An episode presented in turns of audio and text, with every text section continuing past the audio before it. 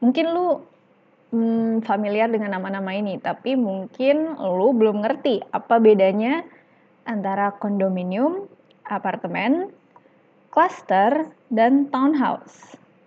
Gini bedanya.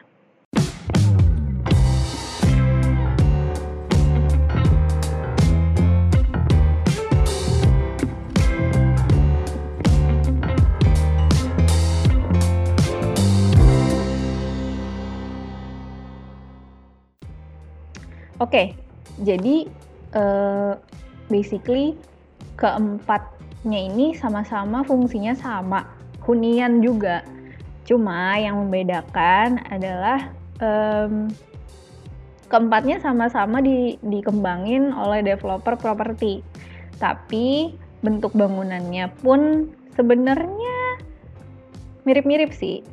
Kalau misalnya kita kelompokin ke um, karakter bangunan, bukan karakter bangunan, bentuk bangunannya sebenarnya kondominium itu sama kayak apartemen.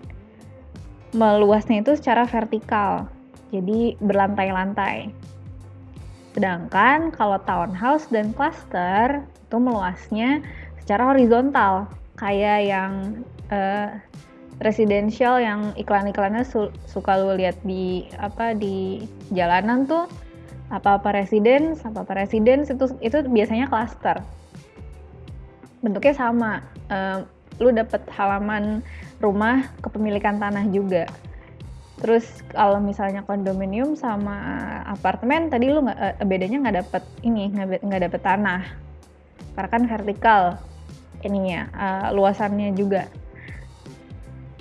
Nah bicara luasan uh, kalau misalnya kita kelompokin juga berdasarkan luasannya uh, kondominium dan apa tuh tadi gue bilang townhouse itu luasannya lebih besar daripada klaster atau apartemen. Um, apa tadi ya? kok gue blank sih uh, kondominium itu kan sama kayak apartemen tadi kan ke atas gitu. Jadi lu punya tetangga tuh kanan kiri atas bawah. Nah kondominium ini biasanya tuh kalau misalnya satu gedung nih misalnya uh, kepemilikannya tuh bisa satu lantai penuh itu tuh punya lo sendiri bahkan ada juga yang satu setengah bahkan dua lantai itu punya lu. Jadi luasannya tuh gede luas lah. Kayak di kayak kayak yang di film Fifty Shades maybe. Itu kondominium mungkin. Tapi gue nggak tahu deh. Gitu. Kalau misalnya apartemen itu lebih kecil. Ya kayak yang apartemen yang dijual di pasaran. Yang satu lantai itu bisa 10 sampai 30 unit tergantung luasannya juga berapa. Tapi lebih pack lebih padat gitu. Terus kalau misalnya townhouse kalau townhouse tuh contohnya kayak Beverly Hills. Atau lu kalau misalnya nonton Crazy Rich Asian atau lihat uh, Keeping Up with Kardashian they live in a townhouse. Karena kepemilikannya juga lahan dan gede banget. Walaupun satu area itu sebenarnya dikelola oleh satu pengelola sebenarnya. Karena udah ada uh, pengelolaan infrastruktur yang lebih luas terus kayak uh, landscape dan segala macam they pay for that monthly. Kayak gitu. Apaan sih gue pakai bahasa Inggris segala? Gitu deh pokoknya ada IPL-nya yang pasti lebih gede lah daripada cluster yang IPL-nya tuh cuma luasannya lebih kecil cluster ya yang kayak di iklan-iklan juga. karena gini, uh, yang biasa dijual tuh emang cluster sama apartemen karena harganya ya emang buat lo terjangkau cuy, sobat Miss Queenku.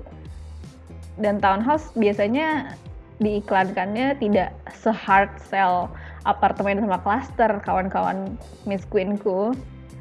Karena cuma orang-orang tertentu aja yang bisa memilikinya, sobat gitu ya jangan sedih. Makanya kamu uh, jadi youtuber dulu apa jadi content creator dulu kali ya? Buat memiliki townhouse atau kondominium. Udah ya cukup segitu aja penjelasan dari gue seputar perbedaan dari kondominium, apartemen, townhouse, dan cluster. Semoga berguna, semoga penjelasan gue tidak jelimet, bisa paham juga deh pokoknya. Ya, gitu aja.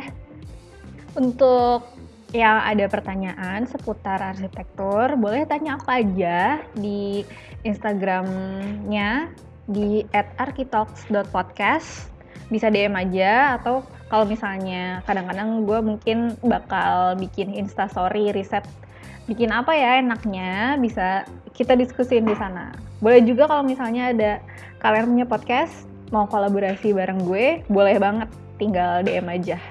Oke okay, have a nice day. Sampai jumpa di Arkitalks berikutnya